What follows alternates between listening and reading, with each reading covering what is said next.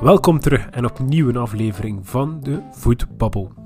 Deze keer mag ik de intro doen, Karel. Bedankt daarvoor. We zullen het vandaag eigenlijk heel kort houden, of tenminste, ik zal de intro kort houden. We zullen eerst even hebben over de competitie. Belgische competitie, waar staan we op dit moment? Daarna kunnen we even naar het buitenland gaan en kunnen we zien welke ploegen aan het verrassen zijn of aan het verassen. Nou, dat, dat zit nog een beetje in het midden. En het laatste puntje zal van voor deze aflevering dan toch zijn of we wel uh, bordjes zouden mogen opsteken in het stadion en of we met al deze covid-maatregelen ook onze handen goed gewassen hebben. Welkom bij de Voetbabbel.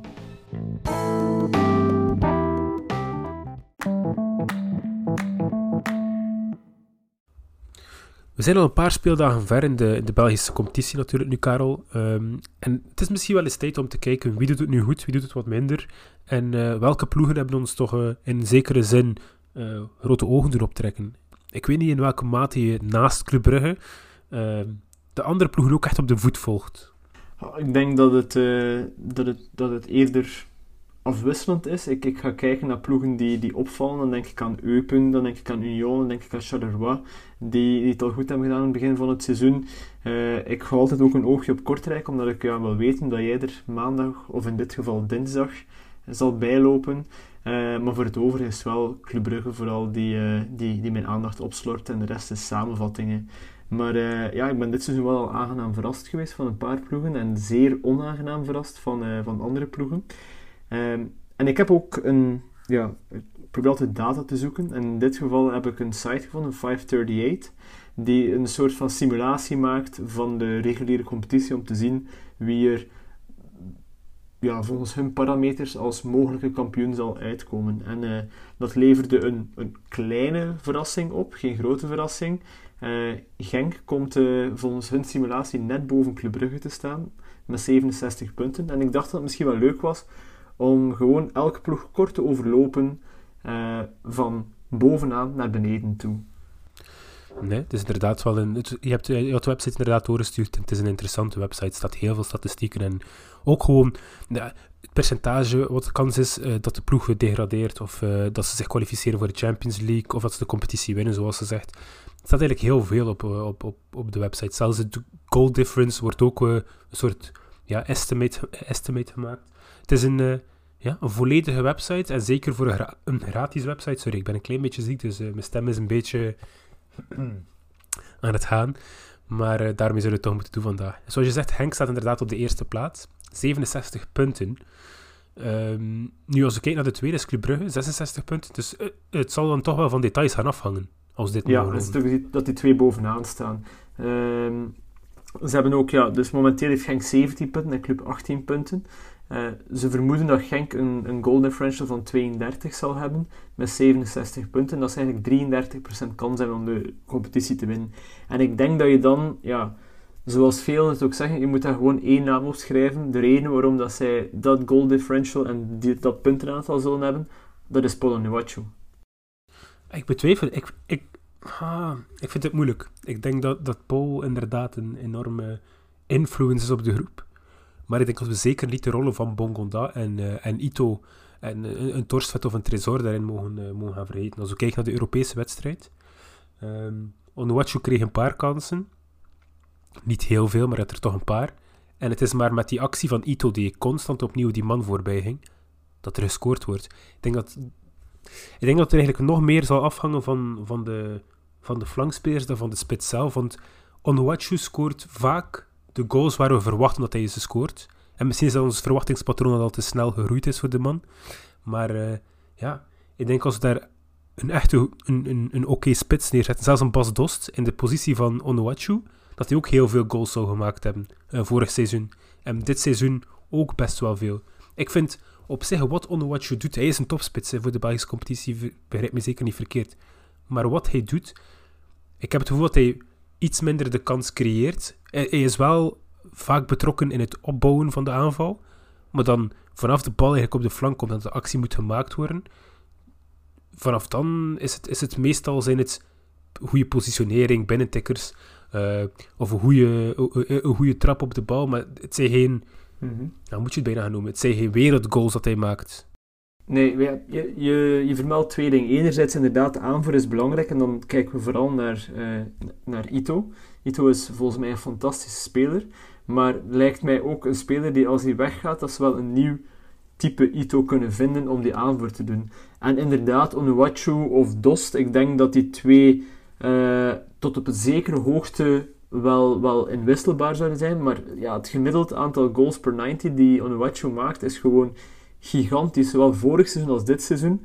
Dus voor mij is hij een, de, de binnentikker die altijd op de juiste plaats staat. Dus ja, de, het oertype Inzaki, maar dat wel in het lichaam van, ja, van een basketter. Uh, en oh, dat komt altijd terug, dat, dat basket uh, vergelijken wat hij meer dan 2 meter is. Maar ja, het is toch ook wel gewoon zo. Onuachu is gewoon een fysieke presence waar iedereen het moeilijk mee heeft. Ik herinner mij vorig seizoen in de duels tussen ons dat, de, dat er ja, menig robbertjes werden uitgevochten tussen Kosuno en Onuachu. Er zijn weinig spelers die Kosuno fysiek in, uh, in, verlegenheid kunnen brengen.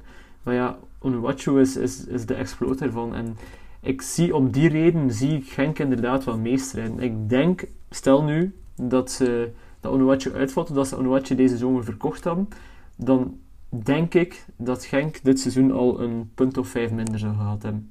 Er zijn heel veel matchen waar Onuachu laat in de wedstrijd nog de winnende goal scoort. En ik ga dan heel ver terug in de tijd dat Club Brugge in de Europa League tegen Midtjylland speelde. Uh, viel Onuachu in en toen zag ik al op heel jonge leeftijd was dat een onafgewerkt product, maar wat deed Midtjylland? Die gooide de bal gewoon in, ver inworpen of voorzetten naar die jongen van meer dan 2 meter en er was altijd gevaar en dat is zo'n dat is zo'n mentale impact op de tegenstander ook, dat, dat het gewoon een kracht op zichzelf wordt. En uh, om nu te nemen, ik denk dat tegen Sint-Truiden, ik ben niet zeker, ik ga, ik ga fout maken nu misschien, maar stond Onuachu er niet op, omdat ze na de Europese wedstrijd even wilden uh, ja, roteren en rust geven. Ja, totdat Onuachu erop kwam, was het voor de tegenstander gewoon een, een, eigenlijk een vrij gemakkelijke wedstrijd. Dus daarin zie ik wel dat, dat, dat hij zijn kracht heeft. Maar Ito is er inderdaad ook wel echt een, uh, een belangrijke speler in. En ze hebben een ploeg samengehouden, dus ik volg hen wel erin. Maar de tweede is ook niet slecht. Nee, tweede is Club Brugge inderdaad. En uh, eh, 66 punten blijft natuurlijk ook wel wat in het spoor van KRC Henk. En uh, ja, het, het zal gewoon, eh, zoals ik zei, op de details afhangen. En misschien zelfs nog meer op de onderlinge duels. dat daar eigenlijk echt het verschil kan gemaakt worden.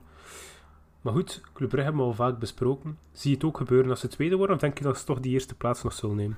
Het kan, het hangt er allemaal vanaf hoe, hoeveel dat ze zich mentaal kunnen opladen. Als ze wedstrijden zoals vorig weekend, waar dat ze wel een heel goede expected goals hadden, uh, tegen Leuven spelen, um, waar het ja, toch allemaal net iets minder was op vlak van juiste keuzes en op vlak van willen winnen, dan uh, lijkt het mij logisch dat ze, dat ze misschien even de rol lossen.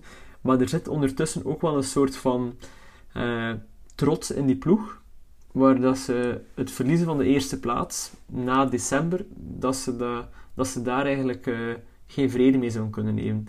En dat zal wel, als er echt een ploeg is, zoals Genk, die club het vuur aan de schenen kan leggen, kan dat juist het beste in club naar boven halen. Dat was iets dat ik de voorbije jaren een beetje gemist heb. Um, was een ploeg die ja, die club scherp hield. Er was zo'n grote voorsprong. Ik zou het eigenlijk liever hebben dat het nek-en-nek race wordt, want dan gaan we ook beter voetbal zien. Maar goed, ja, genoeg over Club Ja, de volgende in het lijstje, dat is misschien ja, best wel verrassend. Ja, denk ik. Denk ik ook. Ja, ja Anderlecht. 60 punten. Ja, inderdaad, 60 punten voor Anderlecht. Derde plaats betekent ook uh, dat ze dan de Europese tickets toch gaan bemachtigen. Dat ze opnieuw een, een kans krijgen voor Europa. Ja, ja, derde plaats is dan, uh, is dan voorrondes van de Europa League, toch? Ik dacht het wel. Ja, ik dacht het ja. wel. Wat Antwerpen uh, de don't, don't shoot me als het, als het verkeerd is. het verandert zo vaak en ik moet heel eerlijk zeggen, hoe meer de tijd vordert, hoe, hoe minder ik een idee heb van oké, welke positie nu specifiek welke plaats Ja, ja omdat het ook play-offs en bekerwinnaars het allemaal een beetje door elkaar. Maar goed, ja, ik, ik denk dat ik wel snap waarom Anderlecht op die derde plaats staat in de prognose. Um, ze hebben wel, allez, ze, hebben, ze hebben een goed elftal op vlak van namen ook. Um, er, is ook, er wordt veel minder gekeken naar de eigen jeugd. Er staat maximaal één à twee jeugdspelers in de basis bij Anderlecht momenteel. Ze hebben een paar jongens gehaald met serieuze lonen. Denk aan Raman, denk aan Hoed. Zirkzee verdient ook niet, niet super weinig waarschijnlijk. Ehm, dus ja, als je het kijkt, ik had ze misschien zelf onder, uh, onder Antwerpen nog gezet. Maar voor de rest eh, zie ik ze momenteel wel in vierde positie op vlak van kwaliteit. Uh, en die ploeg ja, is, is ook iets beter op elkaar ingespeeld. Company heeft ook al iets meer ervaring. Ik vind nog altijd een beetje jammer dat, dat zijn parcours, ik had liever dat geleidelijk aan zien opbouwen. Dat hij niet meteen in die spotlight moet gaan staan. Maar ik denk dat hij het misschien een beetje nodig heeft. Ja, is, is het dan ook niet interessant om de wedstrijd van dit weekend er misschien bij te halen? Ja, uh, dat was... Te uh, tegen Oostende. Ik denk dat dat ook het perfecte voorbeeld van, was van wat Anderlecht te bieden kan hebben, maar ook wat er juist misgaat bij Anderlecht. Uh, als de eerste helft bekeken, Anderlecht was, was eigenlijk wel de betere ploeg. Eigenlijk wel, ja. Moeten we wel zeggen. Maar de kansen niet afmaken, dat blijft een uit zeer. Precies, die, die, er was gewoon geen efficiëntie. En dan, ja, dan heb je Oostende met die Gaye, met die, Gaye, die, die even dacht te schieten van op een serieuze afstand. En die bal gaat er dan in. Kom je nog 2-0 achter te staan ook. Pak je nog eens rood. Uh, dus dat, dat toont dan denk ik toch een beetje het andere. Maar aan de andere kant zag je ook wel vlagen van goed voetbal. Ik vond, uh, de, de, ik vond uh, Gomez enorm goed spelen. Ik vind ja. dat hij het algemeen wel iemand is die verfrissing geeft aan Anderlecht. Um, het is een ander soort speler dan dat ik gewoon ben voor bij Anderlecht op de linksback te zien spelen. Is, is heel aanvallend. Als je kijkt naar, naar, naar wat hij verdedigend doet, dat, daar komt het juist een pijnpunt naar boven. Ik denk ook dat Hoed, zoals ik deze zomer ook gezegd had, van ze mogen hem hebben, want dat is een speler die uh, tegen zijn eigen doel moet verdedigen. Een nieuwe speler met 40 meter ruimte in de rug. Dus je hebt daar twee spelers in die verdediging. Morillo, die ook minder aan het seizoen begonnen is. Dus eigenlijk drie van de vier uh, die, die, die een moeilijk, moeite hebben om, om het verdedigend allemaal gesloten te houden. Moest ik anderlegd zijn, ik zou beginnen kijken naar een soort van driemansverdediging, misschien een 3-5-2. Want Sergio Gomez, zijn kwaliteiten gaan nog veel beter uitkomen als hij op de linksmidden speelt. En natuurlijk, opstellingen zijn vloe en zo, en je moet gewoon afspraken maken.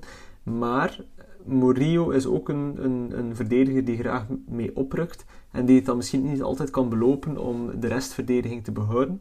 Dus misschien moeten ze kijken om ja, en Harvard Bellis en dan Hoed centraal en dan... Uh, ja, wie hebben ze eigenlijk nog over daar nu? Dalcroix is geblesseerd. Uh, Magalan. Ah, Magalan hebben ze gehaald. En misschien moeten ze Magalan een kans geven. Gomez op links en dan Murillo eventueel op rechts. Uh, en dan centraal kijken voor een, uh, ja, een, een driehoekje met Refailov op de 10. En dan vooraan twee uit het uh, drietal Raman, Zirkzee en Kouame. Nee, inderdaad. Het is, het, het, er zijn sowieso opties. En ik denk dat Anderlecht inderdaad geen slechte kern heeft. Het gaat hem iets meer om het inspelen op elkaar. En het uh, met elkaar wat overweg komen en, en overweg zijn met de, met de balcirculatie en gewoon aan het systeem. Maar ik denk dat er ook wel, als ik Cirque bezig zie, er is iemand die heel veel lof krijgt van heel veel verschillende voetballers ook zelf, van collega's. Um, mm-hmm. En ik, ik, ik moet heel eerlijk zeggen, hij, hij doet eigenlijk echt, met de ballen die hij soms krijgt, denk ik mezelf van oké, okay, van daar heb je echt iets van gemaakt. Je hebt een echt een verschrikkelijke bal gekregen. En toch heb je er iets goeds mee gedaan. Of, mm. En dat, dat mag ook wel gezegd worden, ik vond wel dat hij net iets te veel kansen gemist had in de wedstrijd tegen Oostende. Um, ook al waren het niet allemaal 100% kansen. Um, maar ik had hem wel verwacht dat hij op zijn minst één à twee goaltjes, of ja, hij heeft er één gemaakt. Laat me zeggen, één goal meer gemaakt zou hebben. Um, ja, ik, ik vond het. Ik vond, het is iemand met heel veel uh, lof, zoals ze zegt, en die heel veel credit krijgt ook. Ja. Omdat hij natuurlijk ook wel de naam heeft van, een, uh, van, van de, de spits. Het is Zirkzee. Maar van waar komt dat? Dat is toch helemaal opgeklopt in de media, omdat hij overgekomen is naar, naar, naar Anderlecht. Nee, nee, nee. nee, alle nee, nee, ja, die was vorig jaar bij Bayern, heeft hij een paar matchen mogen meespelen. Bij, bij hij is Bayern, dan bij Parma, is bij Parma uitgeleend, heeft daar vier matchen gespeeld en was eigenlijk volledig afgeschreven. Nee, maar Karel, kom op. Uh, bij, bij Bayern ook, voordat hij naar Bayern ging zelfs, was er ook al een, een enorme hype rond de speler. En ik denk nu gewoon bij Anderlecht, omdat hij daar speelkansen krijgt, dat hij inderdaad ook die hype weer met zich meebrengt overal waar dat hij gaat. Um, ik denk dat het zo'n type speler is die, ook al zou hij mm, floppen bij Anderlecht en dan teruggaan naar Bayern, het volgende uitleenmoment gaat hij opnieuw gehyped worden, want hij komt wel van Bayern. Um, dus ik denk dat dat zeker iets is dat niet te onderschatten is en waar hij zeker niet mag... Uh, ja, ik vind, je mag hier daar iets blind op staren, maar zorgt er wel voor dat hij net iets meer credit krijgt dan een, uh, dan een Kouame bijvoorbeeld, of een, uh, of een Raman. Terwijl Raman het ook heel goed doet. Ja, dat is misschien wel. Ik, ik maak me net de bedenking, er was ooit een eh, speler van Real Madrid die uitgeleend werd aan Club Brugge. Ehm, een Spanjaard. Ik moet het weten. Hmm, nee, ik ga er niet opkomen, sorry. er was een speler van Real Madrid die een jaar uitgeleend is aan Club Brugge. Ehm, en die speler heeft het goed gedaan. Hij heeft een paar heel mooie goals ook in de Champions League gemaakt. Maar er was altijd zo, soms wel, soms niet. Daarna is er eigenlijk nooit meer iets van zijn carrière gekomen. Het was een speler die, net zoals Cirque te duur is voor Anderlecht om ooit te kopen. Javier Oh. Portillo. Javier Portillo. Ik was er fan van. Oh, dat ik de naam zelf niet weet. Eh, maar het, het doet me wel daaraan denken. Het is een ander type speler, maar het is ook een speler waar ze zijn van, hij komt wel van Real Madrid.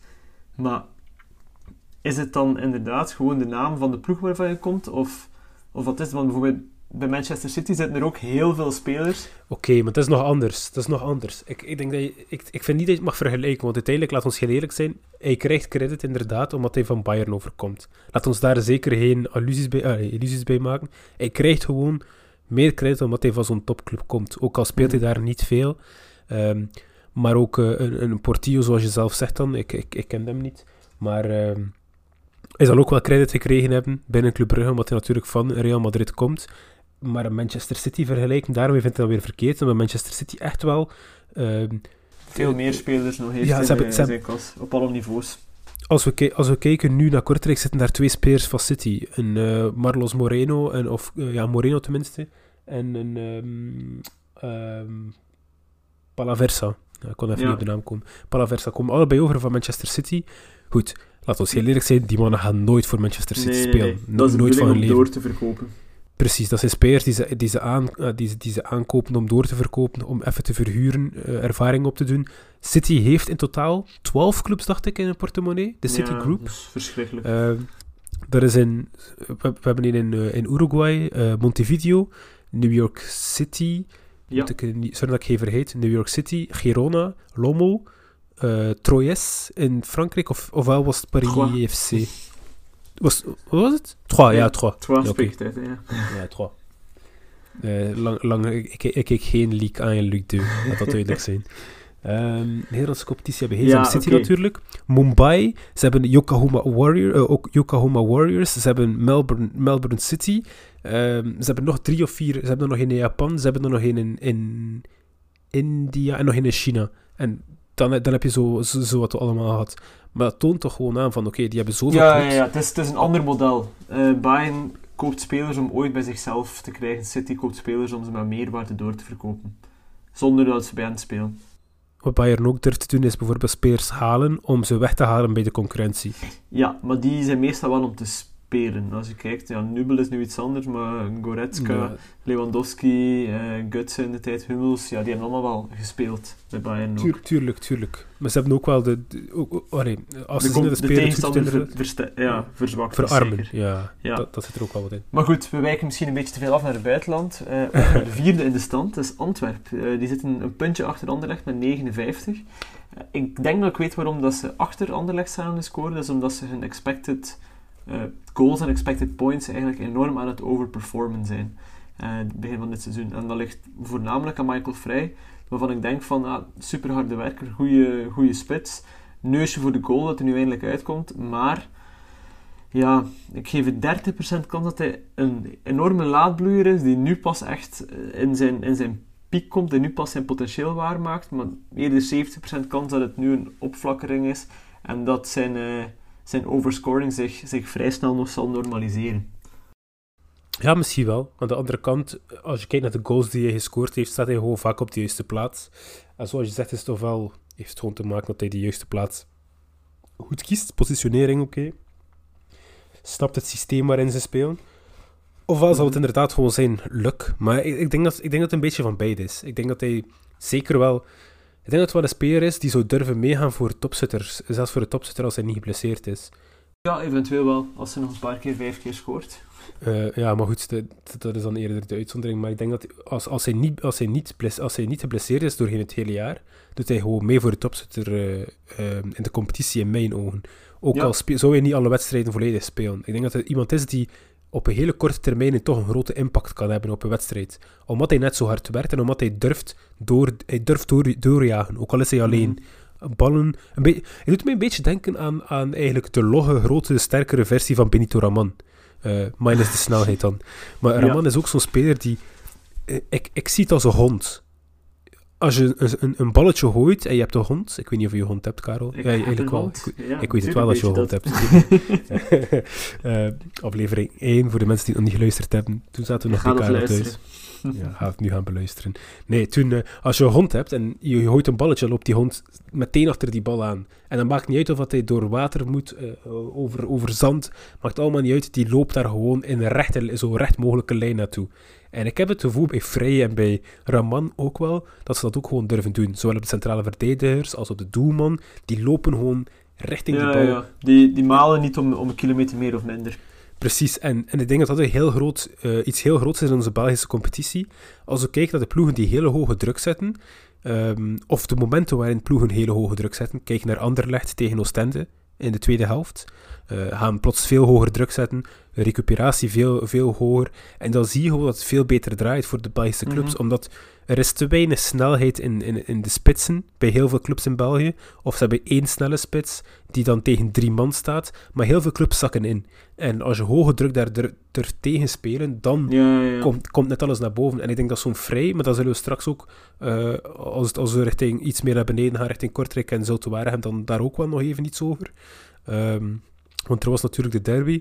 Maar uh, veel, veel clubs heb ik het gevoel, als er hele hoge druk op staat, dat ze gewoon niet kunnen uitvoetballen. Dat er gewoon te weinig uitvoetballende kwaliteit is uh, achterin. Dat is ook zo. Er is niet die kwaliteit dat je hebt in de Premier League van, van verdedigers die een bal op de stropdas kunnen leggen. Er zijn een paar verdedigers die dat kunnen, uh, maar ook niet altijd.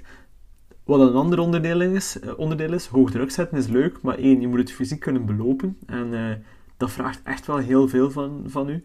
Uh, een PSG kan dat bijvoorbeeld niet, die extreem hoog druk zetten, omdat ze spelers hebben die, die dat fysiek niet willen of kunnen uh, belopen. Um, maar het is ook, ja, tactisch is het ook moeilijk hoor, om, om echt die hoge druk te zetten. En dan heb ik soms bij Antwerpen het gevoel dat er door Vrij en Verstraten uh, en Gerkens slim en goed druk gezet wordt om, om proberen de passinglijn af te schermen. Maar de andere jongens, ik denk dan aan Nainggolan, ik denk dan aan Fischer, dat die dat eigenlijk uh, minder meevolgen. Dat er, uh, dat er nog niet genoeg een groepspres is. En dat is volgens mij ook de reden, om Antwerpen misschien even af te sluiten, dat ik denk dat ik Antwerpen nog niet meteen als titelkandidaat zie, is dat ik denk dat er wel heel veel goede elementen in zitten, maar dat er nog niet genoeg spelers in zitten waarvan je denkt van, ja, die kun je gelijk welke opdracht geven en ze gaan ze uitvoeren. Ja, klopt. Ik, ik, kan je daar wel in volgen. Aan de andere kant heb ik wel zoiets van, ze brengen wel iets weer verfrissend. Dus uh, ik ben altijd fan van, uh, van iedereen die, die, die verfrissende dingen brengt. Elke club die met iets nieuws komt. Club Brugge was daarin uh, een van de clubs die tijdelijke hoge press gebruikte. Ze gebruikte op een bepaald punt, op bepaalde, op bepaalde momenten in de wedstrijd, zag je gewoon dat er een tactiek afgesproken was op voorhand, dat er heel snel hoge druk werd geplaatst. Dat is op basis van triggers. Dat is eigenlijk uh, als de tegenstander een bepaalde beweging maakt, bijvoorbeeld als de flankverdediger aangespeeld wordt, dan is eigenlijk de trigger voor de ploeg om eigenlijk in te zakken. Er is, um, ik ga het artikel anders even, even allee, de Twitter-thread even opzoeken, er is een vergelijking gemaakt tussen Manchester City-Chelsea van dit weekend en de Champions League finale van vorig jaar, hoe dat Guardiola de, de, ja, de press, eigenlijk de veldbezetting heeft getweakt om ja, Chelsea moeilijker te maken om uit te voetballen. En dat is een schoon voorbeeld van te zien van hoe bepaalde spelers druk wordt gezet om de kwaliteiten van de tegenstander eigenlijk te gaan, uh, gaan, gaan bespelen. Ja, en daarvoor is het dus ook niet nodig om elke keer, elk moment uh, hoge druk te zetten, maar op hele specifieke momenten. Maar goed, zoals je zelf zegt, hebben we ja. nu weer heel ver af. Maar goed, daarvoor dient eigenlijk ook een podcast uiteindelijk. Ja, om te, om te kunnen blijven doorgaan. En je hebt alle tijd van de wereld vandaag, dus we doen dat. Maar ik vind het wel mooi, het is een heel mooie segue. We zijn bezig over tactisch enorme ja, vergaande dingen. Uh, en dan kunnen we overgaan naar de, ja, naar de tactische zonnekoning van het Belgische trainerschilde, Hein van Haasbroek. Ja, Heintje. um, ja, ik, ik, aan de ene kant heb ik zoiets van... Ik, ik heb heel veel respect voor de man natuurlijk. Hij heeft heel Ja. veel bewezen in de verschillende, Ja, ja. bij verschillende Goede clubs. analist ook geweest. Ja, klopt. Maar dan heb ik soms iets van... Je probeert het te ver te zoeken en te speciaal te doen. Ja. Eh, soms is het gewoon iets beter om terug naar de basics te gaan en iets minder tactisch vernuftheden en specialetjes te proberen. Maar ehm, Zeker als je dan constant moet klagen dat je spelers de tactische opdrachten niet goed uitvoeren. Ja, Als, als, als het te moeilijk is. Ik, ik, denk, dat, ik denk dat hij, eh, iedereen kent het wel. De, de leerkracht, de super slimme leerkracht, de super slimme docent, Mhm. maar die het niet kan uitleggen. Ja, die zich enorm frustreert dat, de, dat, zijn, dat zijn klas eigenlijk het eh, niet begrijpt dat hij het in zijn hoofd heeft. Ja, voilà. Maar ik, Ja. ik, ik denk dat bij hij dat dat nog niet zo ver gaat. Ik denk dat hij op zich ook wel eh, zijn mening kan doordrukken en kan overbrengen bij, bij mensen. Maar dat het niet altijd gesnapt is op, op elk moment. Of dat mensen dan durven te vergeten omdat ze te weinig nadenken en heel vaak reactief eh, voetballen. En ik denk bij Hein van Hazenbroek dat hij iets minder op reactief, maar iets meer op het, eh, op, op het denkwerk, het denkwerk Ja. gedaan wordt. En dat de spelers daar niet altijd ehm, ja, klaar voor zijn of, of daarmee overweg kunnen gaan. We zien ook bij, bij Gent nu, allee, in, de, in de tabel die we aan het volgen zijn, zien we ook het eerste kleine, of het tweede kleine gaatje. Antwerpen staat met 59 punten, Gent met 54 punten. Dus dat is echt al een outsider om, eh, om, om nog in play-off 1 te raken. Ehm, ik, wat het probleem is in het begin van het seizoen, zij underperformen hun expected goals enorm. En je kan er heel veel analyses over maken, over ongeluk en over scheidsrechtelijke dwalingen, eh, waar je als Kortrijk van waarschijnlijk niet echt op wil ingaan. Ehm, maar Och, het is ja. ook een probleem, ja, het is wat het bedoel, is. bedoel dit, dit, weekend, dit weekend was het ook weer niet anders. En de rest tegen Ja, dus voilà, het is je- soms keer meten, soms keer tegen. Voilà. Je moet er een klein beetje allee, in relativeren. Blijft Gent- natuurlijk. Ja, ja, je moet, het is de manier waarop hij mee omgaat. En de club heeft er ook al soms verkeerd in gedaan. Ehm, maar bij Gent is, blijft het probleem dat als het management met eh Yvonne de Witte en Michel Louagie, ja, het blijft managen zoals dat ze het nu doen, dan zie ik het gewoon niet goed komen. Om de simpele reden dat, dat als je elke zomer geld uitgeeft aan spelers als een Lemajic of een, eh, een Boyo, ja, dan, dan ga je er niet komen. Sorry. En eh, ja, het blijft herhalen. Als je spelers koopt van Kortrijk en Charleroi, dan word je Kortrijk en Charleroi. De, de ondertussen legendarische quote van Verheyen.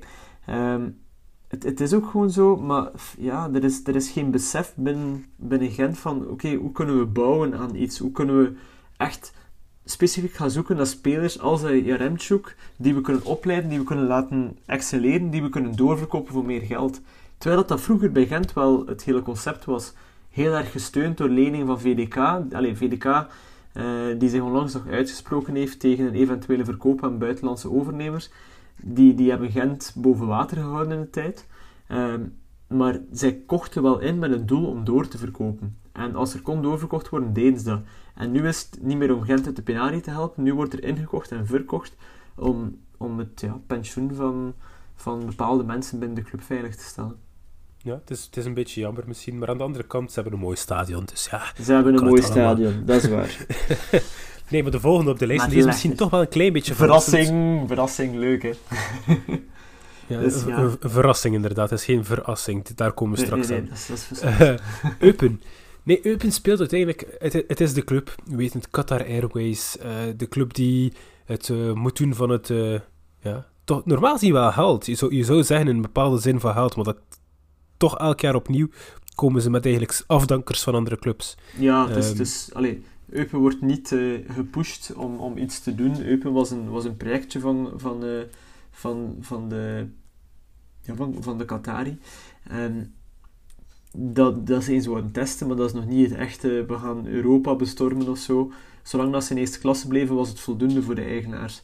En deze zomer hebben ze eigenlijk een beetje het geld teruggetrokken en moesten ze het doen met dezelfde spelers. En dan was ik vooral heel blij dat een jongen als eh Conan en 3 er eigenlijk echt wel aan doorkomen is.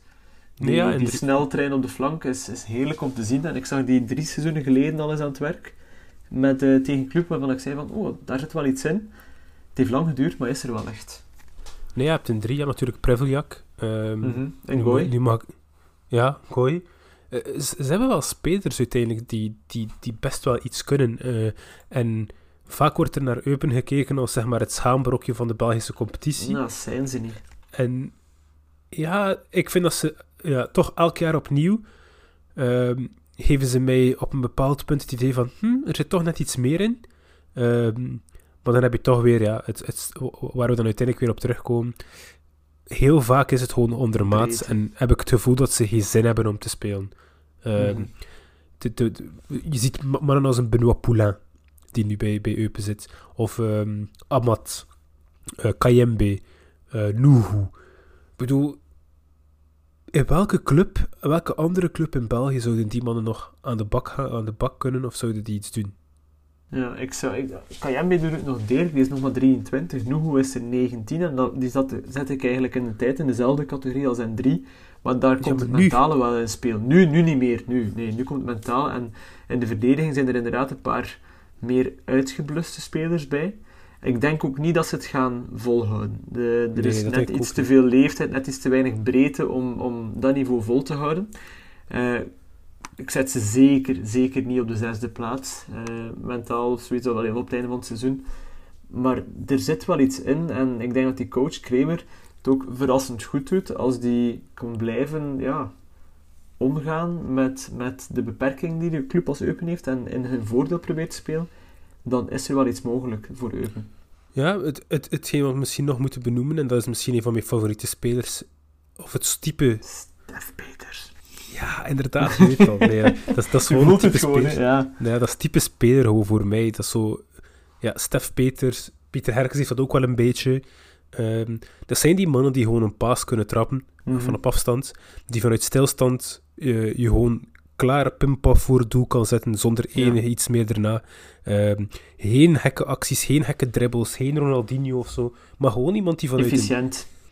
precies, efficiënt Ja. en gewoon simpel, maar toch...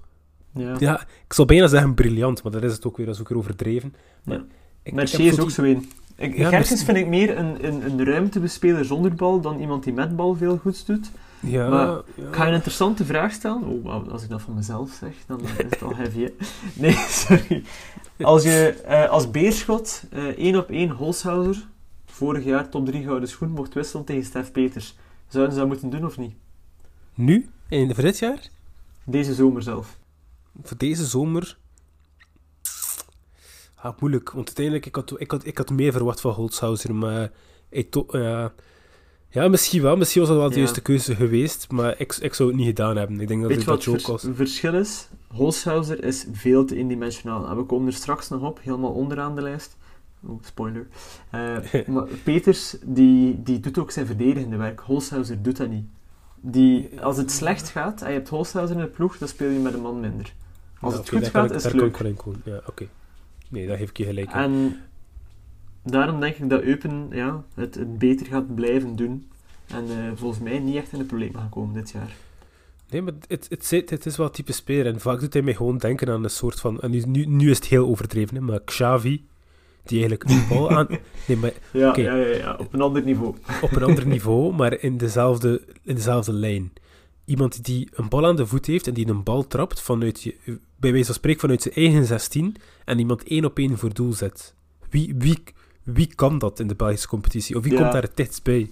Dan ga je gaan kijken naar een Van Aken, eh, dan ga je gaan kijken naar een... eh, Wesley Hoed zou het ook wel nog durven doen, ze. ja, één op de vijf keer. Ja, één op, oké, maar maar één op de drie, kom. We mogen een beetje...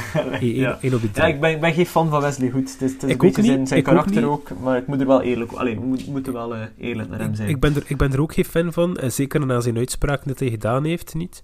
Eh, dat hij toen hij naar Antwerpen ging een beetje had van... Ja, eh, ik zal hier toch niet te lang blijven, dus... eh, Ja, hij gaat nooit Oh, meer hoger dan dat spelen.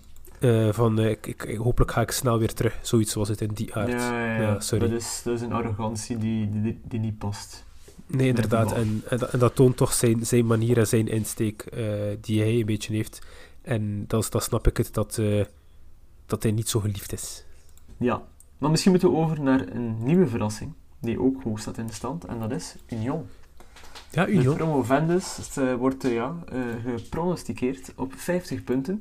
Het zijn er momenteel 16, waarmee dat ze één puntje, twee puntjes van Club Brugge staan. Ehm, en dat is vooral te danken... dat is Vooral te danken... Ja, dat is door Oendaf en Van Zijr, maar ook door Lapoussin, ehm, die, die het op de Hey, flank heel goed doet. Je mag één man niet vergeten. My Ja, ja. goat. Siebe van der Heijden. Siebe van der Heijden. Waarom is Siebe van der Heijden jouw goat? Nee, nee, nee. Is, gewoon, eh, is gewoon iemand die... eh, eh, je speelt te weinig. Als je die man erbij plaatst bij Union, wint is elke wedstrijd. Oké, eh, ja, staaf je stelling. Hoeft, hoeft niet. Niet, luistert, gegarandeerd. En die, die, die zal het uiteindelijk toch wel bevestigen. In dat geval, Siebe, je hebt er een nieuwe fan bij. Oh, nieuwe fans zou ik nu ook weer niet zeggen, maar goed. Ja, nee, ik, ik, hè. ik ben vanaf nu Ah, nog op die ja, als, als, Ah, dat- als het een luisteraar is, dan, eh, ja, dan kunnen we hem alleen maar bedanken. Dan is het ook een kenner van voetbal, dus... zal het hem sturen. nee, maar Union is gewoon een aangename ploeg. En eigenlijk is het iets dat je op, voor het seizoen wel kan voorspellen dat die het goed gaan doen. Het is een promovendus. Ze hebben een paar heel kwalitatieve spelers. Undav was, voor hij naar Union ging, een, ja, een heel goede speler in de, in de Duitse derde klasse. Je hebt misschien zijn, eh, zijn, zijn Team of the Season kaart een paar seizoenen geleden in FIFA nog gehad. Eh Van is ook een heel goede. Ze hebben die ploeg samengehouden. Felice Mazzu is, is, is er ook bij.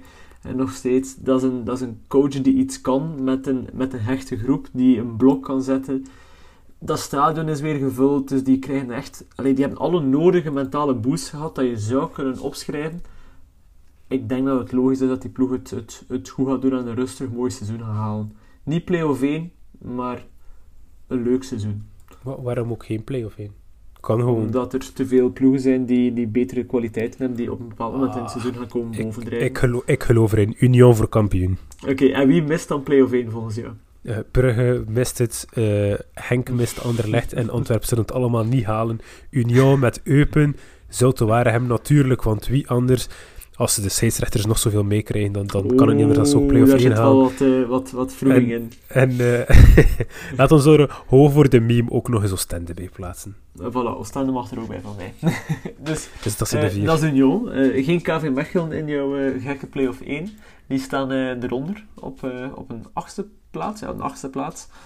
Het is allemaal net niet voor mij. Ik vind het... eh, ze kunnen wel leuk voetballen. en Het is wel so- soms met momenten aantrekkelijk voetbal. Maar ik denk dat, dat ze gewoon te vaak met eh, geen motivatie en geen zin bijna op het veld staan. De manier hoe ze de wedstrijd aanvangen, of juist in de wedstrijd zelf, als je ziet hoe het verslapt. Eh, we hebben het daar al verschillende keren over gehad, maar Ja. dat is echt het, het schone voorbeeld eigenlijk van een ploeg die, als het goed draait, dat ze dan... ehm, dat, dat, dat, dan, als het goed draait, dan, ja, dan draait het oké. Maar dan gaan ze toch durven gas terugnemen en zichzelf iets gemakkelijker proberen op te stellen, waardoor ze uiteindelijk al hetgeen waarvoor ze zo hard gewerkt hebben, weer verliezen. En dat zien we gewoon te vaak. En ik denk dat het nog heel veel punten zal kosten uiteindelijk eh, aan Mechelen. Denk ook. Ik denk altijd dat het een, eh, een en Hyde verhaal gaat zijn. Maar ze hebben wel de Belgische Cristiano Ronaldo. Nicolas Storm.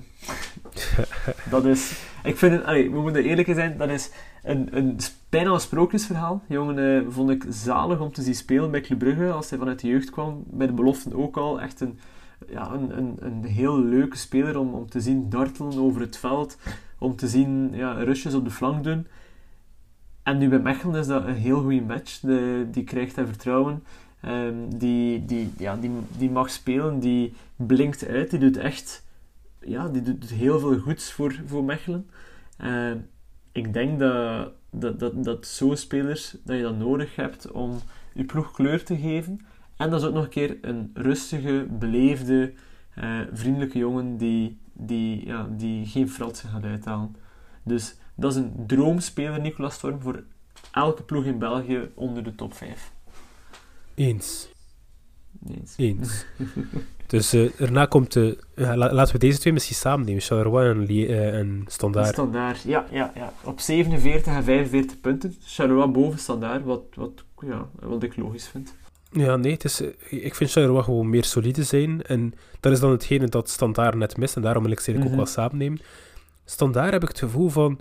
De ene wedstrijd kunnen ze top spelen. En de wedstrijd erna zakken ze weer in elkaar als een pudding. En hebben ze opnieuw... En dan denk ik dat het heel veel te maken heeft met motivatie. Maar ik denk dat heel veel clubs in België daar last, daarmee te kampen hebben nu. Maar echt gewoon 90 minuten lang de beste motivatie eruit te krijgen. En gewoon alles te geven voor de club. En ik denk dat dat gewoon veel te weinig gebeurt in de Belgische competitie. Ehm, Maar ik snap het ook wel. Als je nu een speler bent van Standaard, zou je het leuk vinden om elke dag naar je werk te gaan? Om elke dag op het veld te gaan staan? Ja en nee. Aan de ene kant ja, in de zin van... Je, leeft je droom, maar goed, dat, dat merk je dan niet meer op dat moment. eh, dat, dat je aan het spelen bent, dat vergeet je heel snel. Eh, Je Mhm. bent een voetballer, je speelt voor een bepaalde club. Die club betaalt je om dat te doen. En ehm, natuurlijk, ja, het, het, het, het, draait gewoon, het draait gewoon niet lekker. Het, het draait niet goed.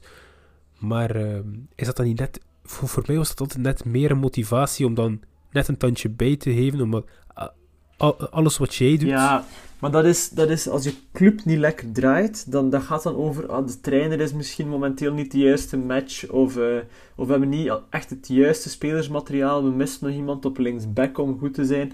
Dan is de club draait niet goed. Het is even moeilijk, maar we kunnen er wel met deze groep, met zijn kleine aanpassing, kunnen we wel doorkomen.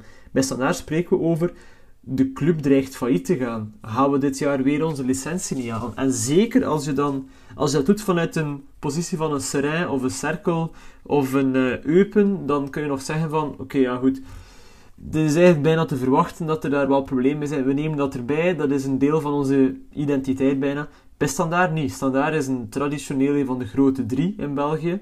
Uh, als je dan zo ver afgezakt bent naast het veld, is het moeilijk om op het veld dat jaar na jaar hoog te houden. En daarboven, ze hebben veel te veel geïnvesteerd in oude coryfeeën terug te halen om, om de ploeg te doen draaien. Ik denk dan aan in de tijd van buiten, uh, Prudhomme, uh, Nikijze die er gezeten heeft. Dat zijn zo, ja oké, dat, is, dat is wat dat club de tijd ook heel even geprobeerd heeft met Sven Vermand en Mark de Grijze. Dat, dat werkt meestal niet. Dat is een emotionele beslissing, dat is geen beslissing op basis van merites. En dat doe je beter niet. En dan heb je ook op het veld zo jongens, Lestien, uh, Carcela, die teruggehaald zijn. Een Collins Fay die daar om een of andere reden nog altijd rondloopt. Uh, ja, dat is niet wat je moet doen als je wil groeien als een ploeg. Dat is niet waar je je fondsen op de juiste manier aan uitgeeft. Er is niet veel geld bij Standaard momenteel. Ze zouden beter even een paar jaar door het stof gaan en met jeugdspelers proberen erdoor te komen, die jongens vertrouwen te geven. Ze doen dat op een zeker vlak wel, maar eerder uit armoede dan echt als keuze. Ik ben echt aan het uh, ramblen. Um, maar ja, ze, het, het, zit niet juist. En om dan als speler uh, constant te presteren, dat is niet makkelijk. Nee, dat snap ik wel, inderdaad. Het is sowieso niet gemakkelijk. Het zal ook nooit gemakkelijk zijn in zo'n club om, uh, om goed te draaien en je, en je, en je draai te vinden ook. Maar ik heb toch nog altijd het gevoel van, oké, je moet gewoon iets doen. Je, moet, je moet er iets mee doen. En als je de motivatie niet kan opbrengen om te spelen, dan moet je gewoon niet spelen. Of het nu goed draait of slecht draait. Als je die motivatie niet kan vinden om, om een wedstrijd... Uh, um, om een wedstrijd gewoon met volle zin, dat is misschien overdreven, maar gewoon met volle motivatie aan te gaan. Mm -hmm. Ja, dan, ofwel moet je veranderen van club, dan moet je je contract uitdoen. Kijk naar Garrett Bale. Ja, moet je, ja maar dat, moet... je, zou, je zou ervan verbaasd zijn hoeveel spelers er elk weekend op het veld staan zonder echt heel veel zin om te spelen. Nee, maar dat, dat gebeurt natuurlijk heel vaak. Maar uh, het, het, het verschil ligt hem denk ik iets meer in het feit van... Me meestal verliezen ze geen wedstrijden daardoor. Ja, ja. Ja, dat en, is waar. En, en bij standaard heb ik het gevoel... Het wel. Ja, ja, ja, bij standaard heb ik meer het gevoel van... Als er twee geen zin hebben om te spelen, dan, dan, dan zie je het gewoon aan alles... Ja, dan valt alles in elkaar en dan zie je gewoon dat het totaal niet meer draait. En daar, daar blijf ik ook bij. Het, het, is, het is echt iets dat ik, uh, dat ik tien keer gezegd heb, al honderd keer misschien zelfs op deze podcast. Maar uh, motivatie is en blijft de hele grote. Je kan een mindere god zijn op het veld, maar als je motivatie juist zit, dan speel je gewoon zoveel beter. En ja, motivatie is iets dat je niet zomaar kiest. Dat, dat snap mm -hmm. ik ook wel. Maar aan de andere kant is het wel iets waar je. Het, het, het is een beetje het, het fake effect van. Uh, je moet doen alsof je slaapt voor je slaap valt. Ja. En ja, mijn motivatie ook al bijna... Fake it till you make it. Fake it till you make it, exactly. Dus zelfs daar heb ik het gevoel van, oké, okay, ook al ben je niet gemotiveerd, act gemotiveerd, en dan zullen de mensen rondom jou gemotiveerd worden. En op die, uh, daardoor ga je ook weer gemotiveerd zijn. Dus het is eigenlijk een soort van wisselwerking.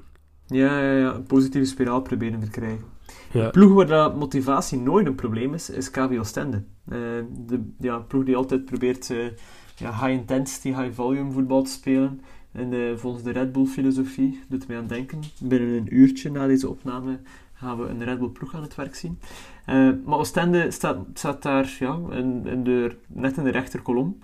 Um, Zie je ze daar eindigen? Zie je ze iets hoger eindigen? Of uh, wat denk jij van hen? Ik, ik denk dat een fair assessment die er ongeveer rond de midden van de, van de competitie hangen. Ja. Uh, ik heb er, iets te veel kwaliteit vertrokken.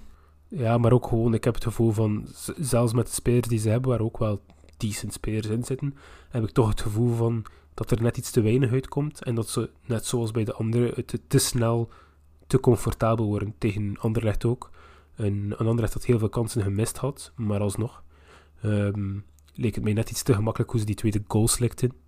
Die eerste goal was ook makkelijk weggeduwd. Dat was ook tussen twee of drie man, dacht ik, dat Zirkzee erdoor gaat.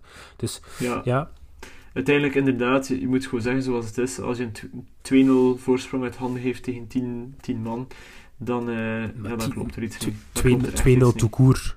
2-0 toekoer, want dan komen we op de volgende. Als je 2-0 voorkomt Ja. in de 85e minuut, dan mag je die ook niet meer weggeven. En al helemaal niet in een derby. Maar goed, je zag, je zag het van Ik ver voel aankomen. geen frustratie. Ik voel geen Nee, maar je zag, frustratie. je zag het van ver aankomen. En ik, ik was samen aan het kijken met mijn papa. Dat gebeurt ook niet vaak dat we samen voetbal kijken, want hij is niet zo'n grote Mhm. voetbalfan. Maar eh, we keken samen de wedstrijd. En die zei ook van, ja, kijk hoe Kortrijk speelt. En zo dat tijdrek Ah natuurlijk. ja, we spreken zit. over de Vlasico. Dat is goed, want dan gaan we direct over naar Kortrijk, wie eh, als twaalfde gepronosticeerd Oh ja, staat. dus Dus, da- jullie daarom- waren aan het kijken. Ja, nee, het is, ik, ik was al overgeschakeld. My bad. Ik was die vergeten te introduceren. Het, het, zit, het zit diep, het zit diep. Ehm, maar goed, je, je, je, je zag alles wel wat aankomen en je voelde ook wel dat... Ik vond de scheidsrechter op zich heel sterk tijdens de wedstrijd. Durfde ook gewoon na 30 seconden, dacht ik, eh, een gele kaart te trekken, waar velen het niet Ah, durven op een, zware, op, een- op een eh, zware overtreding. En eh, er gebeurden verschillende van die overtredingen doorheen de wedstrijd. Het was ook een, een echte derby, met weinig kansen in die eerste helft. En vanaf die tweede helft sloeg het wel een beetje op hou.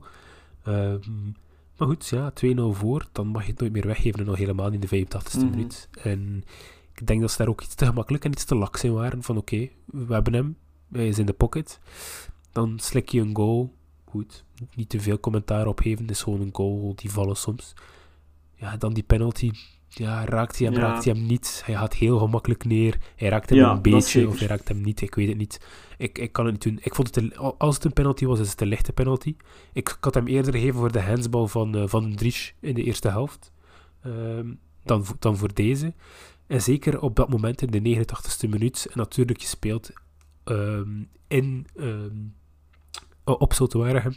Dus je weet dat het publiek er ook weer achter gaat. En iedereen kan het draaien en keren zoals je het wil. Zelfs een scheidsrechter van topkwaliteit ondervindt daar wat ehm, extra press door. Want het kost niets om naar het scherm te gaan om te gaan kijken. Dat kost je niets. Nee, dat is waar, dat is waar. Hij heeft geen eigen oordeel geveld. Hij zei van, het is een penalty en de VAR heeft misschien geen clear en obvious error. Ehm, maar goed, ja. Ik, Ja, dat reglement staat niet zo super strak en dat weten we. Eh, we hopen dat er daar iets aan verandert. En eh, ik, ik laat het aan onze vrienden van Shotcast om eh, wekelijks eh, naar de arbiter te zeggen van, en naar de referee department vooral te zeggen van gasten, het moet beter. Ehm, als we er nu over beginnen, dan, dan gaat onze podcast echt wel over de drie uur gaan. dus eh, we, we zullen dit nog relatief snel afsluiten, denk ik. Ja, veel voor, ik, ik denk dat Kortrijk iets hoger gaat staan dan de twaalfde plaats. Ik denk het ook. eerder rond de tiende, eh, negende plaats in. Ik denk het ook en ik hoop het ook, maar goed, we zullen moeten zien wat er van komt. Eh, daarna komt Sint-Truiden en Cirkelbrugge. Ja, ik denk dat Sint-Truiden ook iets hoger kan staan. 42 punten staan ze nu gepronosticeerd. Maar, maar, maar wie zag er dan verder weg? Dat is zo... Bij- Oostende en Standaard denk ik dat, dat lager zal staan. ja, en toch? Eupen ook. Ja, ik denk, ik denk niet dat Eupen dat voluit. Ja, ik denk inderdaad dat Eupen misschien wel de, de crash gaat gaan meemaken. Ja. Ja, Maar goed, Sint-Truiden, Cirkelbrugge. Heel veel kan ik er niet over zeggen. Ik heb heel weinig wedstrijden van hen gezien. ja. Ik denk dat Sint-Truiden gewoon geluk heeft dat Suzuki eh, terug is. Ja, Zeker met Temboyo die vertrokken is, want die, die, ja, hoewel dat hij op zijn leeftijd niet meer de kwaliteit heeft om Gent iets bij te brengen, is dat wel een speler die Sint-Truiden iets kan bijbrengen. zeker. Ehm, er, ja, er is er nog altijd een soort onvrede vanuit de fans terecht naar de Japanse eigenaars, omdat die er te weinig mee bezig zijn. Een beetje een, bijna een Vincent Tan verhaal. T- Er is ja, over Sint-Truiden inderdaad niet zoveel te zeggen. Het, het, het verhaal dat al jaren terugkomt is dat, er een, ja, dat die fans ontevreden zijn en dat de hel van Staaien verdwenen is. En dat klopt ook. Eh, die is er niet meer.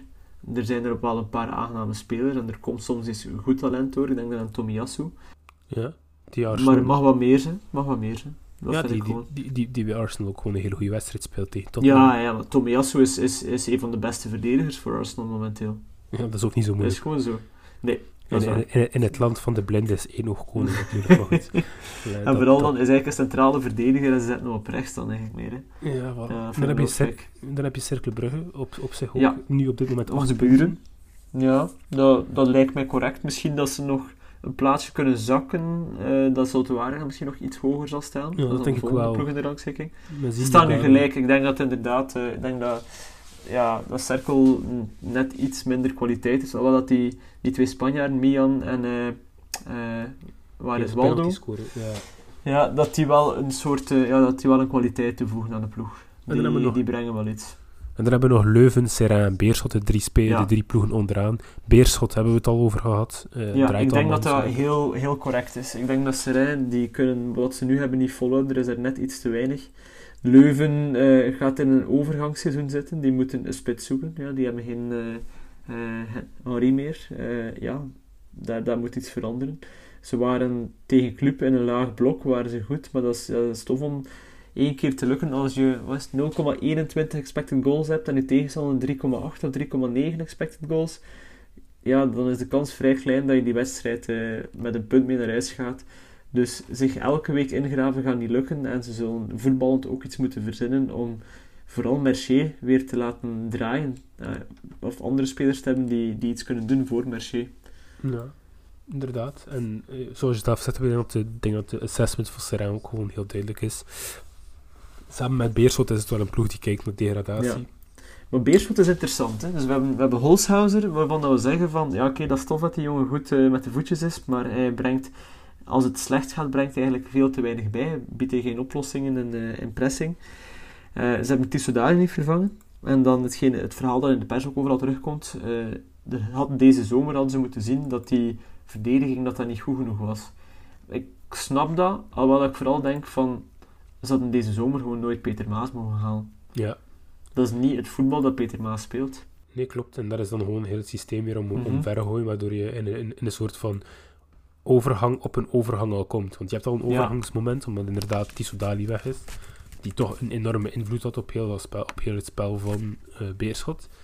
En dan, eh, ja, tijdens een overgang ben je alweer bezig met een andere overgang door coach te wisselen. Mhm. En natuurlijk, ja, komt het allemaal net iets moeilijker. En eh, ik denk dat het ook gewoon logisch, logisch is nu dat het eh, allemaal niet zo lekker draait. Ze hebben wel heel veel ongeluk. Laat me daar ook Ja. wel duidelijk zijn. Ze hebben echt ongeluk en die punten gaan uiteindelijk wel komen. Maar eh, ja, het Het is... zal zeer moeilijk worden om zich te redden. Hoewel Ik- dat ik- wel uitkijk, ik, ik hou een maar achter de hand. Als eh Sanusi gezond terugkomt eh, en Moises Caicedo, die op uitleenbasis van Brighton komt, als die het, ja, het echt kan doen, eh, wat hij kan, want in de tijd heeft Club daar ook, naar zitten kijken, die heeft dan Club afgewezen en voor Brighton gekozen, maar no hard feelings.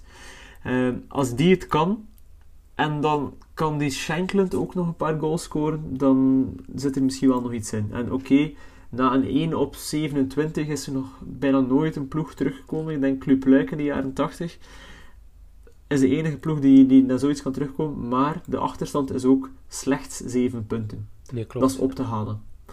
Je moet, je moet ook gewoon kijken naar de, rest van de, naar de rest van de clubs die erboven staan natuurlijk. Ja, En ik denk dat het wel nog steeds mogelijk is. Ik denk dat ze zichzelf... Ze hebben natuurlijk ook nog een volledige transfer window, waar je nooit weet wat er kan gebeuren. Kan de hekste, de hekste zaken kunnen daarin gebeuren. ja, ja, ja. Ze moeten, als ze verdedigend een, ja, een, een linksachter kunnen bijhalen, dan, dan, dan kan er misschien wel iets. Linksachter en misschien een centrale verdediger. En misschien erg om te zeggen, maar misschien mag Van Hamel ook wel eh, eh, de bank gaan, gaan verwarmen. Als ze iemand kunnen binnenhalen die beter is, dan, dan is er iets mogelijk.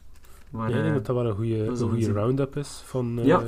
van de ik Belgische denk dat we dan de volledige competitie gedaan hebben op een, op een uurtje tijd. Dat is, dat is mooi. Moeten we over naar het buitenland.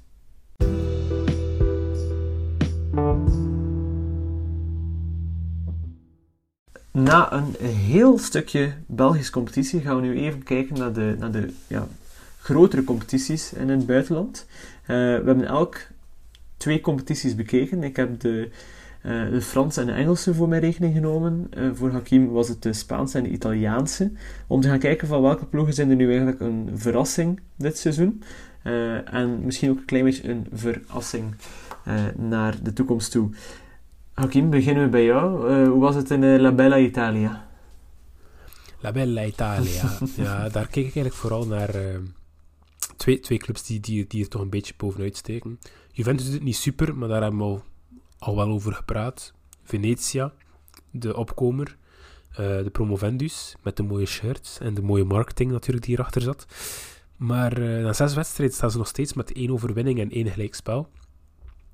Overwinning tegen Empoli. En dan een gelijkspel, nu moet ik het goed zeggen, tegen Torino. In, ja, tegen Torino. En nu komt de wedstrijd tegen Cagliari, die eigenlijk onder hen staat, eraan. De ploeg van Nangolan inderdaad, die op dit moment nul overwinningen heeft en twee gelijke spelen in zes wedstrijden. Dus het, het, het draait allemaal nog niet helemaal bij Venetia. En ook de, de laatste drie in de competitie die degraderen, staan ze nu uh, ja, nog net bij. We staan wel op gelijke hoogte met uh, Spezia. En dan heb je nog Genoa, Sampdoria en uh, Gelas Verona, die er net boven staan met één puntje verschil. Dus ik kan niet zeggen, niets, er is niets verloren. We zitten natuurlijk nog maar zes wedstrijden in de competitie. Maar het, het, het duidt toch aan in Italië dat het heel vaak is dat de promovendus ook weer vaak en snel degraderen. Salernitana, één punt mm. na zes wedstrijden. Um, Venetia, zoals zegt, vier. Spezia heeft er ook vier. Empoli was, dacht ik ook, de andere promovendus, maar nu, nu, nu ja, ik denk het dat wel. klopt niet helemaal.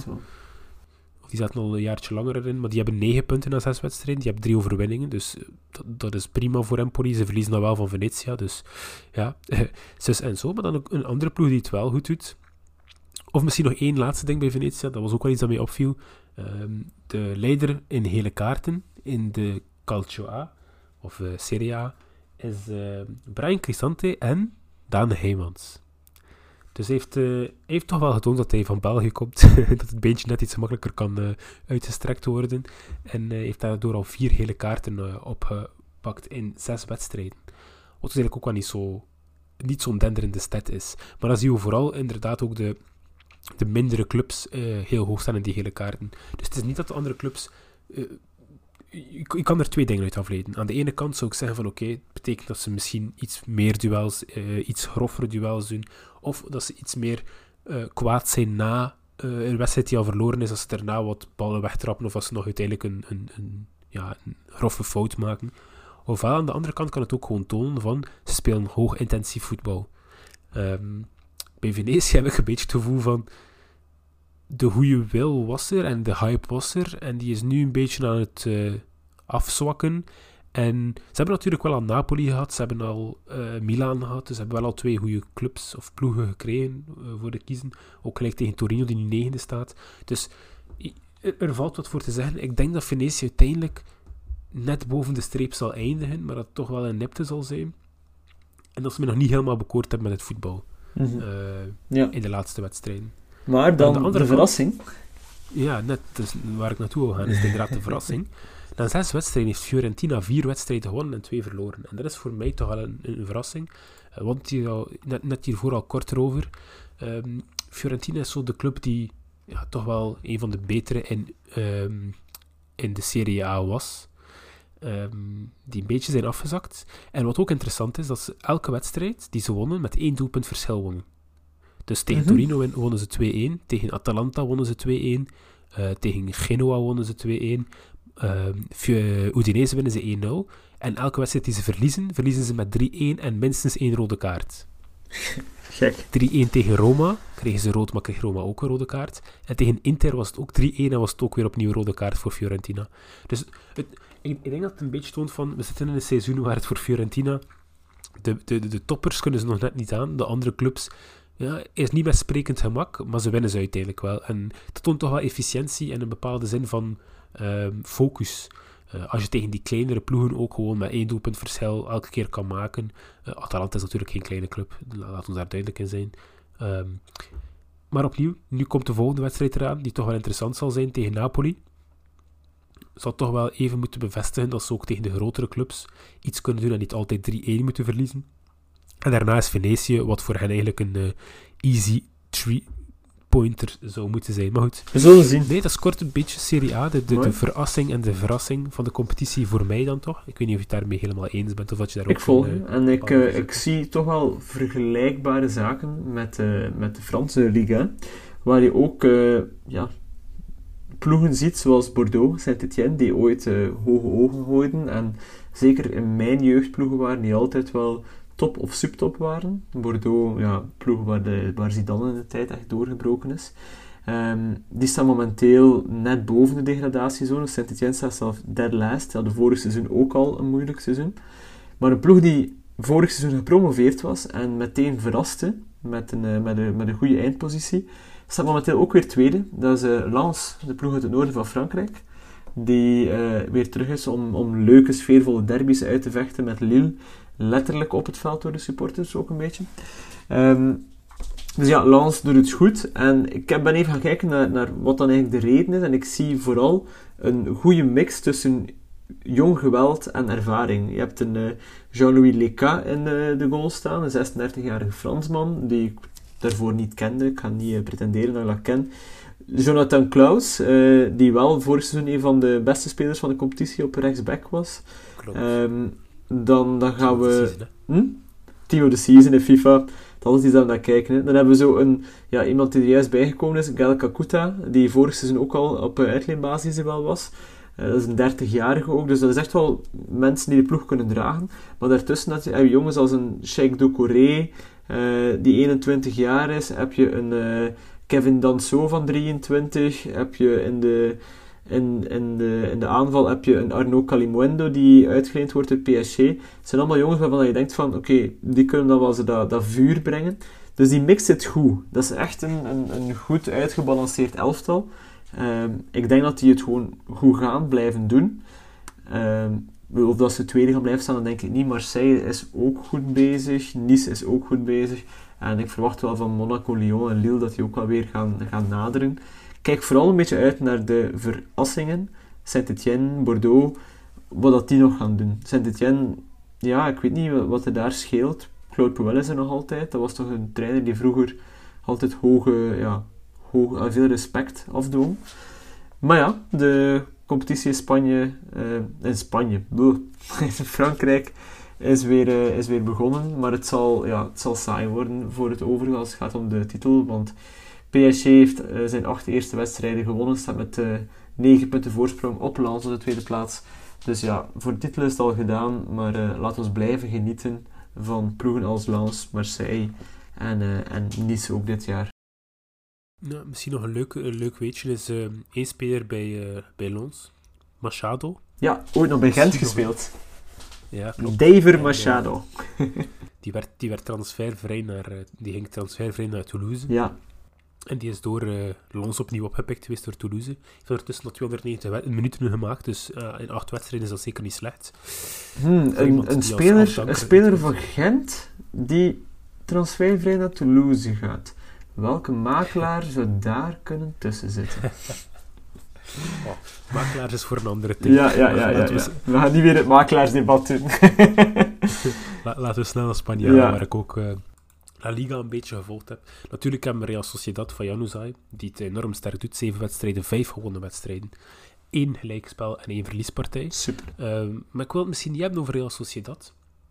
Omdat uiteindelijk, ik denk, Real Sociedad is gewoon de, de typische sterke club die het elke club heel lastig kan maken. Mm -hmm. um, als we kijken naar, uh, naar de wedstrijden die ze gespeeld hebben, 1-0 winst op Rayo Vallecano, uh, 3-1 tegen Aibar, 3-1 verlies van Osasu Osasuna, wat toch weer ja. opmerkelijk is. 4-2 verlies van Barça, 1-0 Real Sociedad tegen Levante. Dus verwachte resultaten. Ja. Zitten in, de, zitten in de Europa League, dus dat, dat moet je er ook nog even bij nemen. Uh, bij, nu moet ik het even juist zeggen, PSV, Monaco en... Uh, pup, pup. Tegen wie speelde PSV? Laatste wedstrijd. Was dat geen Turks ploeg? Ik zal erop Sorry aan de luisteraar. Benfica. Benfica. Nee, nee, dat was in de kwalificatie. Sturmgras, zie ik hier staan. Sturmgras, oké, okay, nee. Sturmgras. Monaco, Sociedad, PSV en Sturmgras. Interessant. Yes, yes, yes. Oké. Okay. Ik herinner me een Benfica-wedstrijd. Oké, okay, Sturmgras, klopt inderdaad, dan heb ik een foutje gemaakt. Um, je moet cancel de aflevering. Tegen Real, nee, nee, PSV speelde natuurlijk tegen Real Sociedad in de eerste wedstrijd. Ja. Dus daar, vandaar de, de confusion. Uh, Monaco is de volgende speeldag. Ja, ja, ja. ja. Oké, okay, maar dus, uh, maar wie is de verrassing dan? Ja, uh, de verrassing voor mij is een klein beetje Rayo Vallecano. Ja, vijfde plaats. Ja, op dit moment op de vijfde plaats. Het is een club die... Ik, ik ken de club, gewoon puur omdat hij vroeger... De, de, de Rayo was altijd de club die in La Liga... Ja, toch middenmoot. Dan zakte ze eens, dan stijgde ze eens. Dus er zat wel een beetje verschil op. Uh, van seizoen tot seizoen. Maar dit seizoen beginnen ze uiteindelijk solide en pakken ze punten wanneer ze punten nodig hebben. Als je niet wint als Rayo zijnde tegen Sevilla en tegen Sociedad, daar kan ik in komen. Maar dan pak je punten op Bilbao, dan win je van rechtstreeks concurrent Cadiz normaal voor de degradatie. 1-1 op Levante, 4-0 winst tegen Granada. Zijn toch resultaten die kunnen tellen. En zeker voor een club als Rayo. Ze hebben natuurlijk nog niet de allergrootste kleppers gehad. Ze hebben nog geen Barça, ze hebben nog geen Real, ze hebben nog geen Celta de Vigo, geen Valencia, uh, Atletico. Die hebben ze allemaal nog niet, niet, niet, gespeeld. Maar het is wel gewoon een club tot nu toe die het elke club last heeft gemaakt. Als je Real Sociedad op 1-0 houdt, waarin Oyarzabal uiteindelijk met een penalty moet scoren. Ze hebben die wedstrijd, ik heb die wedstrijd gekeken. Um, ik kan je zeggen, er, uh, Vallecano heeft amper een kans op doel, uh, heeft amper iets, iets, iets op doel of iets gekadreerd. Um, maar het was efficiënt. Het was, het was efficiënt, ze hebben verloren uiteindelijk 1-0. Uiteindelijk was het een penalty die het verschil heeft gemaakt. Maar het toont gewoon dat ze zich ook kunnen inbunkeren, dat ze ook gewoon dat spel kunnen gaan spelen als het nodig is.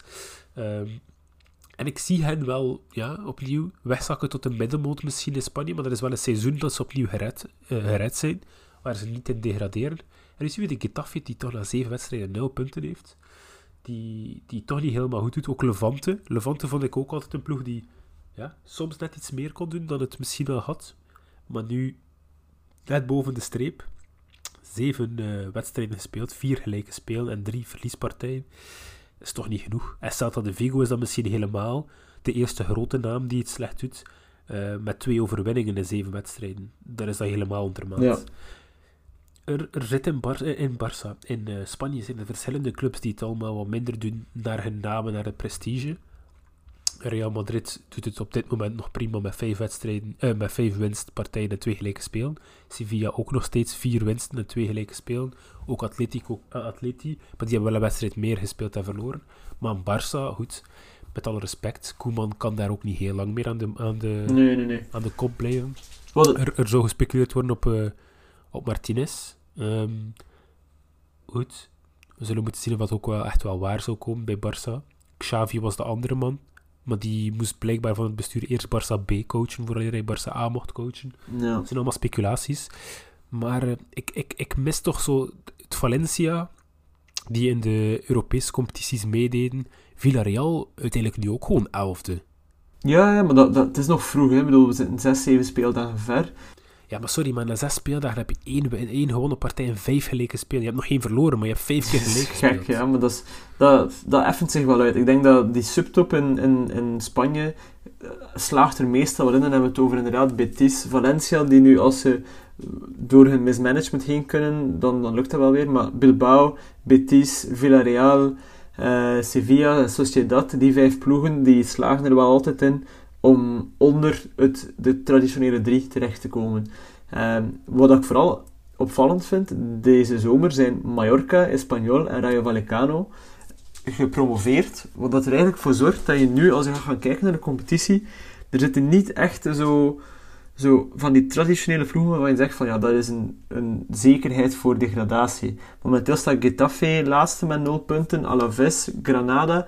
Dat zijn nu drie ploegen die onderaan staan, Levante ook, die zegt van oké, dat zijn ploegen die ik wel associeer met La Liga. De enige twee ploegen die ik momenteel er niet in passen vind, vind ik Elche en Cadiz. Dat zijn als ik gewoon op naam kijk... Espanyol mag hier nu ook wel bij rekenen. De laatste jaren zijn die ook wel echt uh, ja, maar, serieus afgezwakt. Dat is waar, maar het blijft toch wel een ploeg die je traditioneel in de eerste klasse in Spanje verwacht. De, de derby Barcelona-Espanyol Allee. Ja, maar ik, ik, ik, ik vind dat de laatste jaren dat, dat steeds minder en minder aan het worden is. Ik, ik verbaas me er steeds aan als ik zie dat Spanjool toch weer in tweede klasse zat, vorig jaar bijvoorbeeld al. Um, nu zijn ze wel weer uh, gepromoveerd. Een Valladolid, Eibar. Eibar zie ik dan eerder al in de eerste klasse dan een... Uh, dan een um... Ja, misschien wel. Die hebben ook onlangs nog Europese plaatsen gehaald, hè? Een paar jaar geleden. Dat, dat, is, dat, is een beetje het dat is een beetje het gekke, denk ik, aan die hele competitie in, in, in Spanje. Uh, ik heb het gevoel dat elke, speler, uh, elke club van elke club kan winnen daar. Een beetje zoals de Belgische competitie. Maar daar ja. hebben toch wel die grote goden, die ook gewoon heel vaak punten laten liggen tegen die kleinere broertjes. Ja, ja, ja, dat is waar. Misschien gaan we dan over naar de minst interessante competitie van de hele wereld. Uh, de, de Premier League. Uh, ik heb daar gaan kijken en, en, daar is vooral Brighton, die, die maandagavond 1-1 gelijk gespeeld heeft tegen Crystal Palace en uh, ja, het nagelaten heeft om voor de eerste keer ooit op de eerste plaats te komen. Wat dan ook ja, ehm, duidelijk maakte voor mij, als ik ze ging gaan bekijken, van oké, dat is een ploeg die een goede filosofie heeft, die leuk inkoopt, ehm, die, die een paar goede spelers heeft die ze ook kunnen behouden hebben. Bissouma, uh, die een paar leuke spelers heeft kunnen halen. Moepo van uh, Red Bull Salzburg. Uh, ook gehaald van, van Getafe. Ze hebben Alexis McAllister, allemaal spelers van en denkt van, oké, ja, daar komt het wel. Locadia. Locadia. Ja, Locadia, maar die, die, is weg, die, is, die is weggehoond geweest bij Cincinnati. Ik bedoel, dat, dat was het echt moest, niet. Dat moest wel. Nee, maar ja, oké. Ik heb nog een met hem, dus daarom... Ah, ja, oké, oké. Hij, moet even, hij moet even vermeld worden. Oké, respect voor de Locadia. maar dus, ze hebben wel een spitsenprobleem, vind ik. Uh, Mopai doet het nu goed. En ze zeggen... Allee, ik ben een paar artikels gaan lezen. Mopai uh, is een, ja, een Frans talent van vroeger. Hij was een Franse jeugdinternational die er nu al doorkomt, overgenomen van Brentford in de tijd. Maar die vorig seizoen verschrikkelijk onderpresteerde op vlak van kansen afwerken. Um, hij doet het nu beter. Ik denk niet dat hij dat gaat volhouden. Ik denk dat oh, Brighton, om een keer linker kolom te eindigen, want we spreken echt wel niet over kan Brighton op de vierde of zesde plaats eindigen dit seizoen. Ja, nee, never gonna happen. Er zijn te veel ploegen met te veel geld. Maar om eens linker kolom, achtste, zevende plaats te eindigen, hebben ze echt volgens mij een, een spits hadden Ollie Watkins of zo nodig. Allee, die is onhaalbaar nu, maar dat, dat is hetgeen dat ik in mijn hoofd heb. En dan lijkt het me wel met Tariq Lemty op rechts. Uh, dat, dat, die centrale verdediging die is wel vrij solide. Dunk, Duffy, dat, dat zit wel goed. Dat middenveld, Bissouma, Mwepu, Pascal Groos, links Cucurella. Het, het, het, zit wel goed. Trossard mogen we ook niet vergeten. Maar daar wringt dan een schoentje. Wat loopt er aanvallend rond Trossard rond? Da, daar mis ik wel iets. Ik weet niet, ik, ik denk Neil Mopé dat je die ook zeker niet mag onderschatten. Het is een speler die goede momenten bij hele slechte momenten heeft afgewisseld. En um, heeft al op verschillende momenten toch getoond wat hij kan. Um, bij Brighton al. Maar ook gewoon bij Brentford, zoals je zelf gezegd hebt, is een, ja, ja maar... als we kijken naar wat dat Brentford de laatste jaren allemaal heeft geproduceerd. Ja, ja, maar Brentford is heel goed in het aankopen van spelers. Dus op een bepaalde manier uitspelen waardoor iedereen denkt van wow, die is goed. En dan te verkopen waar iedereen zoiets heeft van ah, oei, misschien toch niet zo goed. Misschien hebben we toch over, allee, te veel voor betaald. Als je een speler koopt van Brentford, ga je altijd overbetalen. Nee, maar dat moet, dat, dat, dat moet ook gewoon. Zo'n speler moet je overbetalen. Want, ja. Nee, maar oké, laat ons eerlijk zijn. Het is, het, is een, het is een club die uit de lagere regionen komt. Ja, ja, En je weet gewoon, als een club vanuit de lagere regionen komt, zijn die spelers gewoon veel belangrijker voor hen. Kijk naar een uh, Jack Grealish bij uh, Aston Villa. ja. Ja, ja, tuurlijk. Je betaalt voor de waarde die je voor Aston Villa heeft, niet voor de waarde die je voor City kan hebben. Dat is waar.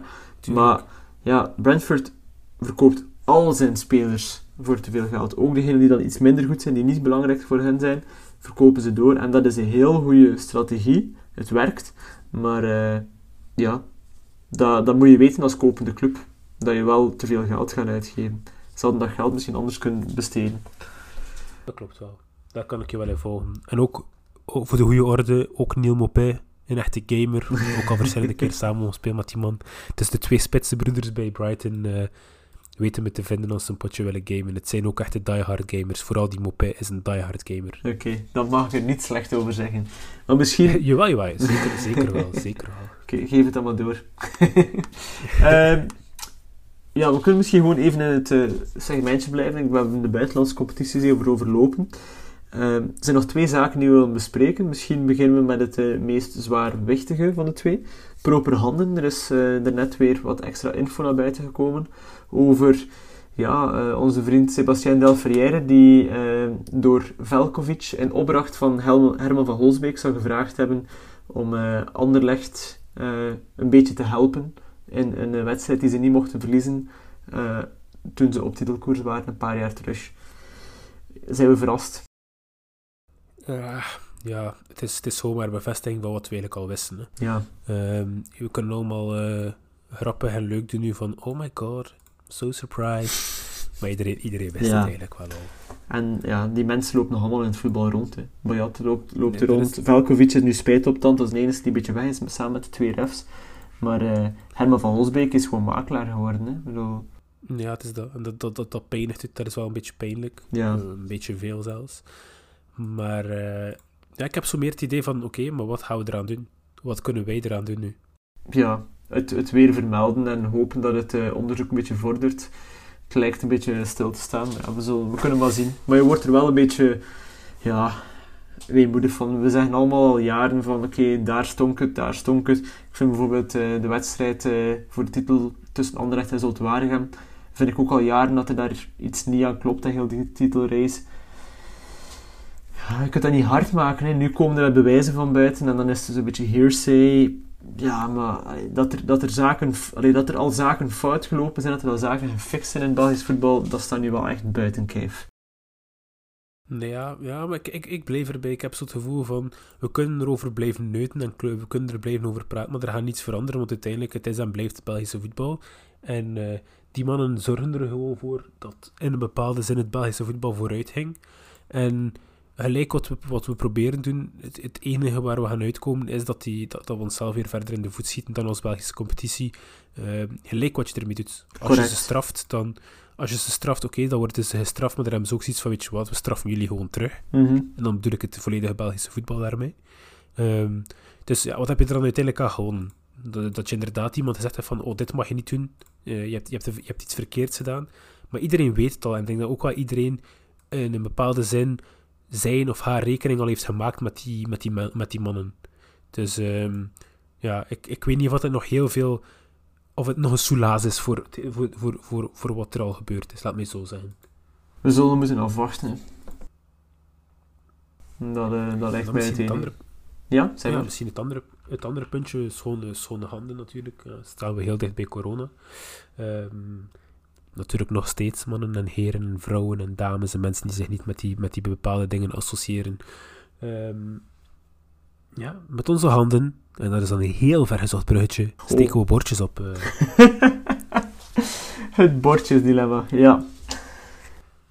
Je hebt, al, je hebt al gezegd, onze mannen van Shotcast zullen daar veel, ja, ja, ja. Uh, zullen daar veel dieper op ingaan. Guillaume, maar, Guillaume Mabe is, is de man van de bordjes en de man van de refs, maar momenteel meer de man van de bordjes. Uh, dus ik zal hem zeker nog eens sporen om te zeggen dat we, het, dat we zijn pleidooi steunen. Maar ik heb er wel een, uh, een, een, een, theorie over die ik nog niet gehoord heb. Ik denk, als ik zelf kind was, hield ik nooit bordjes omhoog van ik wil, mag ik je truitje hebben. Um, maar wat ik wel deed, was ik ging naar de training van, van Club Brugge met mijn tante. En ik ging na de training ging ik met elke speler van Club Brugge op de foto. En weet ik dat ik van iemand, toen heb ik ergens een jas gekregen een, eh, een, ja, een winterjas van club. Die zei van, hey, pak hem maar manneke. Ik was, ik was ja, 8, 9 of 10 jaar of zoiets. Uh, dat is een onvergetelijk moment. En ik snap dat kinderen, het zijn vooral kinderen die die bordjes omhoog houden, dat kinderen zoiets hebben van, ik wil een soort van connectie voelen met, uh, met de speler. En vandaag de dag is het bij de meeste ploegen niet meer mogelijk om een training bij te wonen. Dat, dat te zien en daar ja, langs de kant van het trainingsveld even in contact komen met die spelers, dat die tijd vrijmaken. Die worden zo afgeschermd dat de enige manier om nog een betekenisvol contact met een voetballer te hebben als kind, is om een truitje of iets te krijgen dat hij na de wedstrijd even naar jou komt om eens een knuffel te geven of een truitje te geven.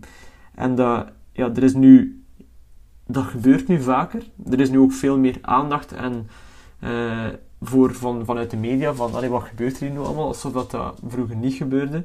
Maar ik denk dat, uh, dat we het onderliggende, de onderliggende wens om nabijheid te hebben met voetballers, dat, dat, dat we dat ook niet mogen onderschatten als oorzaak hierin.